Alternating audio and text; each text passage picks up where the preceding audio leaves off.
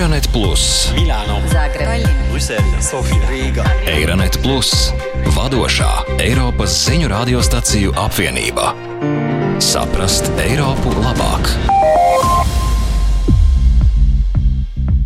Labdien! Pēc vasaras pārtraukuma atkal tiekamies Euronet Plus Green Deal jeb zaļā kursa raidierakstā. Elles zemes virsū vai vēsas oāzes? Uz šādu jautājumu meklējam atbildes šajā sērijā, kas ir veltīta pilsētu plānošanai. Liela daļa Eiropas Savienības iedzīvotāju mitinās pilsētās, un tieši pilsētnieki iespējams visvairāk cieš no klimata pārmaiņu sekām. Tādēļ mēs ar ekspertu palīdzību mēģināsim saprast, kāda veida pilsētu plānošana ir nepieciešama, lai mūsu pilsētas varētu pielāgoties klimata pārmaiņām.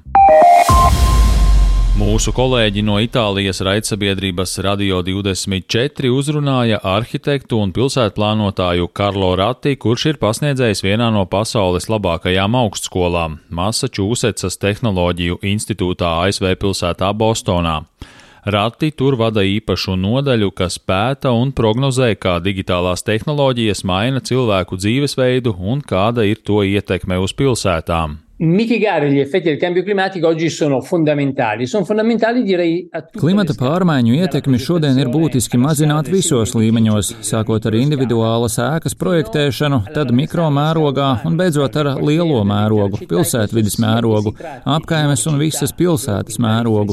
Tas attiecas gan uz jaunām pilsētām, gan, kā tas bieži notiek Eiropā un Ziemeļamerikā, uz esošo pilsētu pārveidošanu. miglior microclima vicino a dove abitiamo. Tā kā pilsētās dzīvo liels skaits cilvēku, tās iemieso daudzas no problēmām, ar kurām saskaras globālā sabiedrība. Ne tikai saistībā ar klimata pārmaiņām un mūsu pielāgošanos tām, bet arī saistībā ar sabiedrības pārmaiņām. Pilsētas ir gan daļa no problēmas, gan daļa no risinājuma. Kādām tad vajadzētu izskatīties nākotnes pilsētām? Jona Minku arhitektūras un pilsētplānošanas universitātes arhitektūras pasniedzēja Mihēla Zamfira sarunā ar Rumānijas radio sacīja, ka mēs arvien biežāk runājam par tā dēvētajām viedajām pilsētām. Sunt orașe care țin cont de foarte multe aspecte, sunt orașe inteligente. Tās ir pilsētas, kurās ņemti vērā daudzi aspekti. Tās ir viedas pilsētas. Mēs runājam par pilsētām, kas ir veidotas ņemot vērā dabas īpatnības. To mērķis ir aizsargāt savvaļas dabu un dabas resursus, un izmantojot vienotu redzējumu par reģionu, par apdzīvoto vietu, pilsēta kļūst kompaktāka un blīvāka, lai ierobežotu tās ietekmi uz ekosistēmu. Mēs runājam par ūdens sistēmu aizsardzību. Mēs runājam par pilsētām, kas orientētas uz enerģētiku.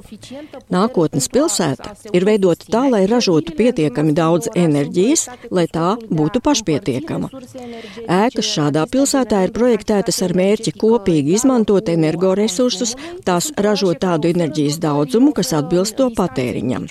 Tās ir pilsētas, kas piedāvā ērtības, īsus attālumus, mobilitāti, zaļās zonas un piekļuvi visām dzīves kvalitātei nepieciešamajām funkcijām. Tās ir pilsētas, kurās ir laba infrastruktūra, kuras ir efektīvi uzbūvētas, kurās ir viegli pārvietoties un kurās ir viegli dzīvot arī tālāk no centra kurās ir ātrgaitas vilcieni, lai mēs pēc iespējas mazāk laika pavadītu satiksmē. Un ideja ir uzturēties ārpus pilsētas, lai ar vilcienu nokļūtu, teiksim, intermodālajā centrā. Galvenais viedajai pilsētai, jeb inteliģentajai pilsētai, zaļajai pilsētai, nākotnes pilsētai, tas ir būt savienotai ar transportu. Să fim conectați la mijloacele de transport. Daudzi no pilsētās dzīvojošajiem ir pieredzējuši, kā vasarā uzkarst ēkas un asfalts un to, ka ir grūti atvēsināties. Eiropas komisijas kopīgā pētniecības centra zinātnieki ir izpētījuši, kāda ir atšķirība starp vasaras virsmas temperatūru pilsētās, kurās dzīvo vairāk nekā 50 tūkstoši iedzīvotāju, un tām tuvējos lauku apvidos, aplūkojot datus no 2003. līdz 2020. gadam. Viņi atklāja, ka dažkārt pilsētās virsmas temperatūra ir par 10 līdz 15 grādiem pēc Celsija augstāka nekā tuvējo lauku apvidos un ka šī temperatūra turpina pieaugt.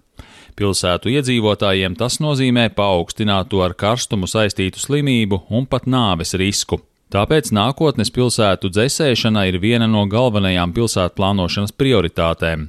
un nosakot vidē nekaitīgus veidus, kā to panākt, ne tikai tiks glābtas dzīvības, bet arī novērsts pārmērīgs enerģijas patēriņš gaisa kondicionēšanai.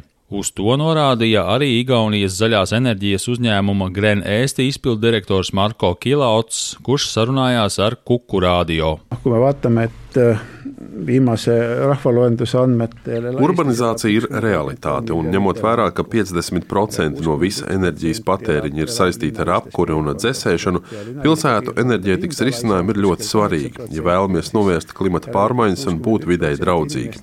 Jebkuri risinājumi, kas palīdz sasniegt šo mērķi, ir vērtīgi. Tas sākas ar pilsētu plānošanu un zaļo zonu noteikšanu pilsētā. Tāpat ir jāsaprot, ko darīt ar jumtiem, vai uzstādīt saules paneļus, vai izvēlēties risinājumus, kas balstīti uz veģetāciju. Jumti parasti absorbē siltumu, jo tie bieži vien ir tumšā krāsā. Tā kā saules paneļi ir tumši, tie arī veicina siltuma salu veidošanos. Ir dažādi veidi, kā mazināt karstuma viļņu ietekmi pilsētā. Tumšu jumtu nomaiņa pret gaišākiem, vai vēl labāk ar zaļajiem jumtiem. Var izmantot arī sauli atstarojošus materiālus vai iestādīt vairāk koku un augu. Karlo Ratti sacīja, ka labumu var dot arī ēnu zonu izveide. Oltre interventi tipo naturale, possiamo pensare a interventi tipo artificiali. Papildus dabiskām iejaukšanās iespējām mēs varam domāt arī par mākslīgām iejaukšanās iespējām, piemēram, kā labāk noēnot mūsu pilsētas. Tas nav nekas jauns, to jau gadsimtiem ilgi ir darījuši gan Itālijas pilsētās, gan jo īpaši apgabalos ar karstu un sausu klimatu, piemēram, tuvajos austrumos, kur dažāda veida ēnas ļauj atrasties uz ielas arī karstā un tveicīgā laikā. Saskaņā ar zinātniskajā žurnālā Delance Lancet publicēto pētījumu, ja pilsētās apstādījumi sasniegtu 30% no to platības, vidējā temperatūra šajās pilsētās varētu samazināties par 0,4 grādiem. Pētījumā norādīts, ka tas varētu par trešdaļu samazināt ar karstuma viļņiem tieši saistīto nāves gadījumu skaitu. Taču svarīgs ir ne tikai koku skaits pilsētās. Intervijā raidsabiedrībai RTV Slovenija sacīja ainavu arhitekte Māja Simoneti. To je politika urejanja mest, kjer govorimo o tem, da. Runa nav tikai par zaļajiem jumtiem, runa nav tikai par koku stādīšanu. Šodien spēkā ir jauna paradigma, kas runā par to, ka ir jāstāda mazāki koki, kas kopā atgādina mežu un kam ir lielāks spēks nekā vienam kokam ietves malā. Tiem ir jāatvēsina, jāmitrina, jāaiztur ūdens un jāsniedz mums ēna un citas priekšrocības. Nākotnes pilsētām šajās vīzijās ir arvien zaļāks tēls in družbe. Taču Simoneti piebilda, ka sabiedrība vilcinās reāli uzsākt pārmaiņas. Ainavu arhitekte un Krakovas tehnoloģiju universitātes profesore Uršula Forčeka Brataņe arī iestājas par to, lai apstādījumi aizņem 30% no pilsētu teritorijas un neviens nedrīkst atrasties tālāk par 300 metriem no tuvākā parka. Viņa piekrīt Maijai Simoneti, ka kokus nedrīkst stādīt nejauši. Daudz tiek runāts par zaļo infrastruktūru, kuras pamatā ir nepārtrauktība. Tāpat kā ceļu infrastruktūrai jābūt nepārtrauktai, lai tā funkcionētu, lai mēs varētu nokļūt no vietas uz otru, arī zaļajai infrastruktūrai jābūt nepārtrauktai un projektētai tā, lai tā sasniegtu savus mērķus ar apstādījumiem saistīto pozitīvo ietekmi. Zaļais jumts, protams, ir ļoti ļoti labs risinājums no arhitektūras viedokļa. Apzaļumošana ir ļoti svarīga, bet ja tās būs saliņas, izolētas viena no otras, tās nekad nesniegs tādu pašu labumu kā nepārtraukta zaļā sistēma, kas veidota kā zaļā un zilā infrastruktūra. Tāpēc mums ir jāpieiet apstādījumiem sistemātiski. Związku z tym musimy podejść do zieleni systemowo. Maija Simoneti norādīja, ka vēl viens būtisks pilsētu plānošanas elements ir reālas sociālās infrastruktūras izveide, turklāt pastaigas attālumā no iedzīvotāju mājām.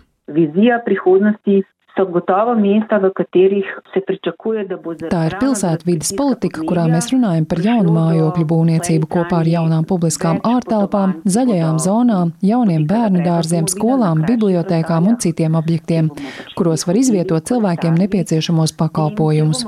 Un tiem jābūt pietiekami tuvu. Šeit galvenais ir attālumi. Pēkšņi tie kļuvuši ļoti svarīgi.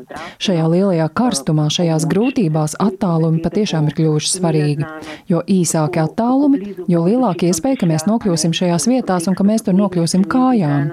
Kājām, neveicinot klimata pārmaiņas, tas ir neradot klimata pārmaiņas satiksmes dēļ. Tie ir lieli jauni uzdevumi, kas nav tikai pilsētplānošanas uzdevumi, bet galvenokārt politiskās vienprātības uzdevumi, cilvēku un sabiedrības vienprātības uzdevumi. Tātad, ja mēs vēlamies, lai ik viens varētu dzīvot tuvāk ērtībām, mums iespējams būs jādomā par to, kā ierobežot telpu, ko uz zemes aizņem atsevišķas mājas. Bet vai mēs patiešām esam gatavi pārskatīt savu dzīvesveidu, lai risinātu šos izaicinājumus? Mūsu kolēģi no Vācijas raidsabiedrības AMS to jautāja arhitektei Angelikai Lasai, kura specializējas pilsētplānošanā. Wir müssen schon neue Ideen mal oder Ansätze finden. Iespējams, mums būtu jāapsver, cik daudz vietas mums patiesībā ir nepieciešams dzīvošanai, vai tai ir jābūt saurupmājai ar dārzu apkārt, jo tas ir mājokļa veids, kas aizņem visvairāk vietas. Es teiktu, ka tas ir tas, ar ko jāsāk pārcelties tuvāk viens otram. Satuvināties nozīmē vienā mājā izvietot vairākus dzīvokļus, citiem vārdiem sakot, vairs neizvirzīt par vēlu vēlamo mērķi dzīvot saurup mājā. Mēs varam taupīt vietu būvējot daudz dzīvokļu mājas, kas ir pielāgojamas, kurās varam būvēt dažādus dzīvokļus, kurās varam viegli pievienot sienu vai nojaukt to, ja nepieciešams. Man vienmēr patīk teikt, ka vēlreiz jāskatās uz 50. gados celtajām mājām. Kāpēc ne? Tas bija saprātīga izmēra. Toreiz tie nebija 100 kvadrātmetru vienam vai diviem cilvēkiem.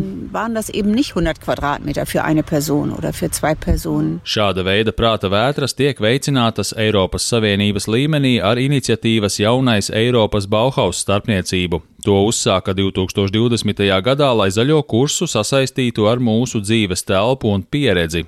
Tā nozīmi skaidro pilsētplānotāja un pētniece Lisabonas Universitātes institūtā Žuana Lažeša. Este pacto pós-pandēmico para pensar as cidades a partir de três eixos. Šis pēcpandēmijas pakts aplūko pilsētas no trim aspektiem. Galvenais ir skaistuma aspekts, jo pilsētām ir jābūt skaistām, bet tām ir jābūt arī iekļaujošām un ilgtspējīgām. Eiropas Savienība ir izveidojusi caurvīju, kas piešķir vērtību šīm trim savstarpēji saistītajām dimensijām, kas attiecas uz pilsētvidi un pilsētvidas pārveidošanu. Tā ir interesanta dimensija, kas atspoguļojas dažos pasākumos un projektos, kuri tiek īstenoti Portugālē, bet noteikti arī Eiropas tīklā, kas tika izveidots šīs programmas ietveros.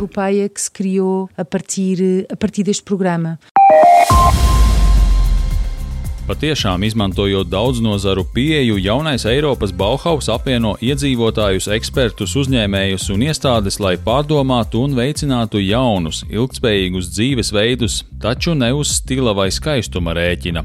Ļoti svarīgi ir arī tas, ka programma nodrošina finansējumu, lai atbalstītu bagātinošus, ilgspējīgus un iekļaujošus projektus visā Eiropā un ārpus tās, tādējādi pātrinot zaļo pāreju. Tas arī viss šajā Euronet Green Deal jeb zaļā kursa raidierakstā. Tiksimies pēc divām nedēļām, kad runāsim par to, kā Eiropas uzņēmumi pielāgojas klimata pārmaiņām. Visu labu! Eironet Plus, Milāno, Zagreba, Brisele, Sofija, Rīga. Eironet Plus, vadošā Eiropas ziņu radiostaciju apvienība. Saprast Eiropu labāk!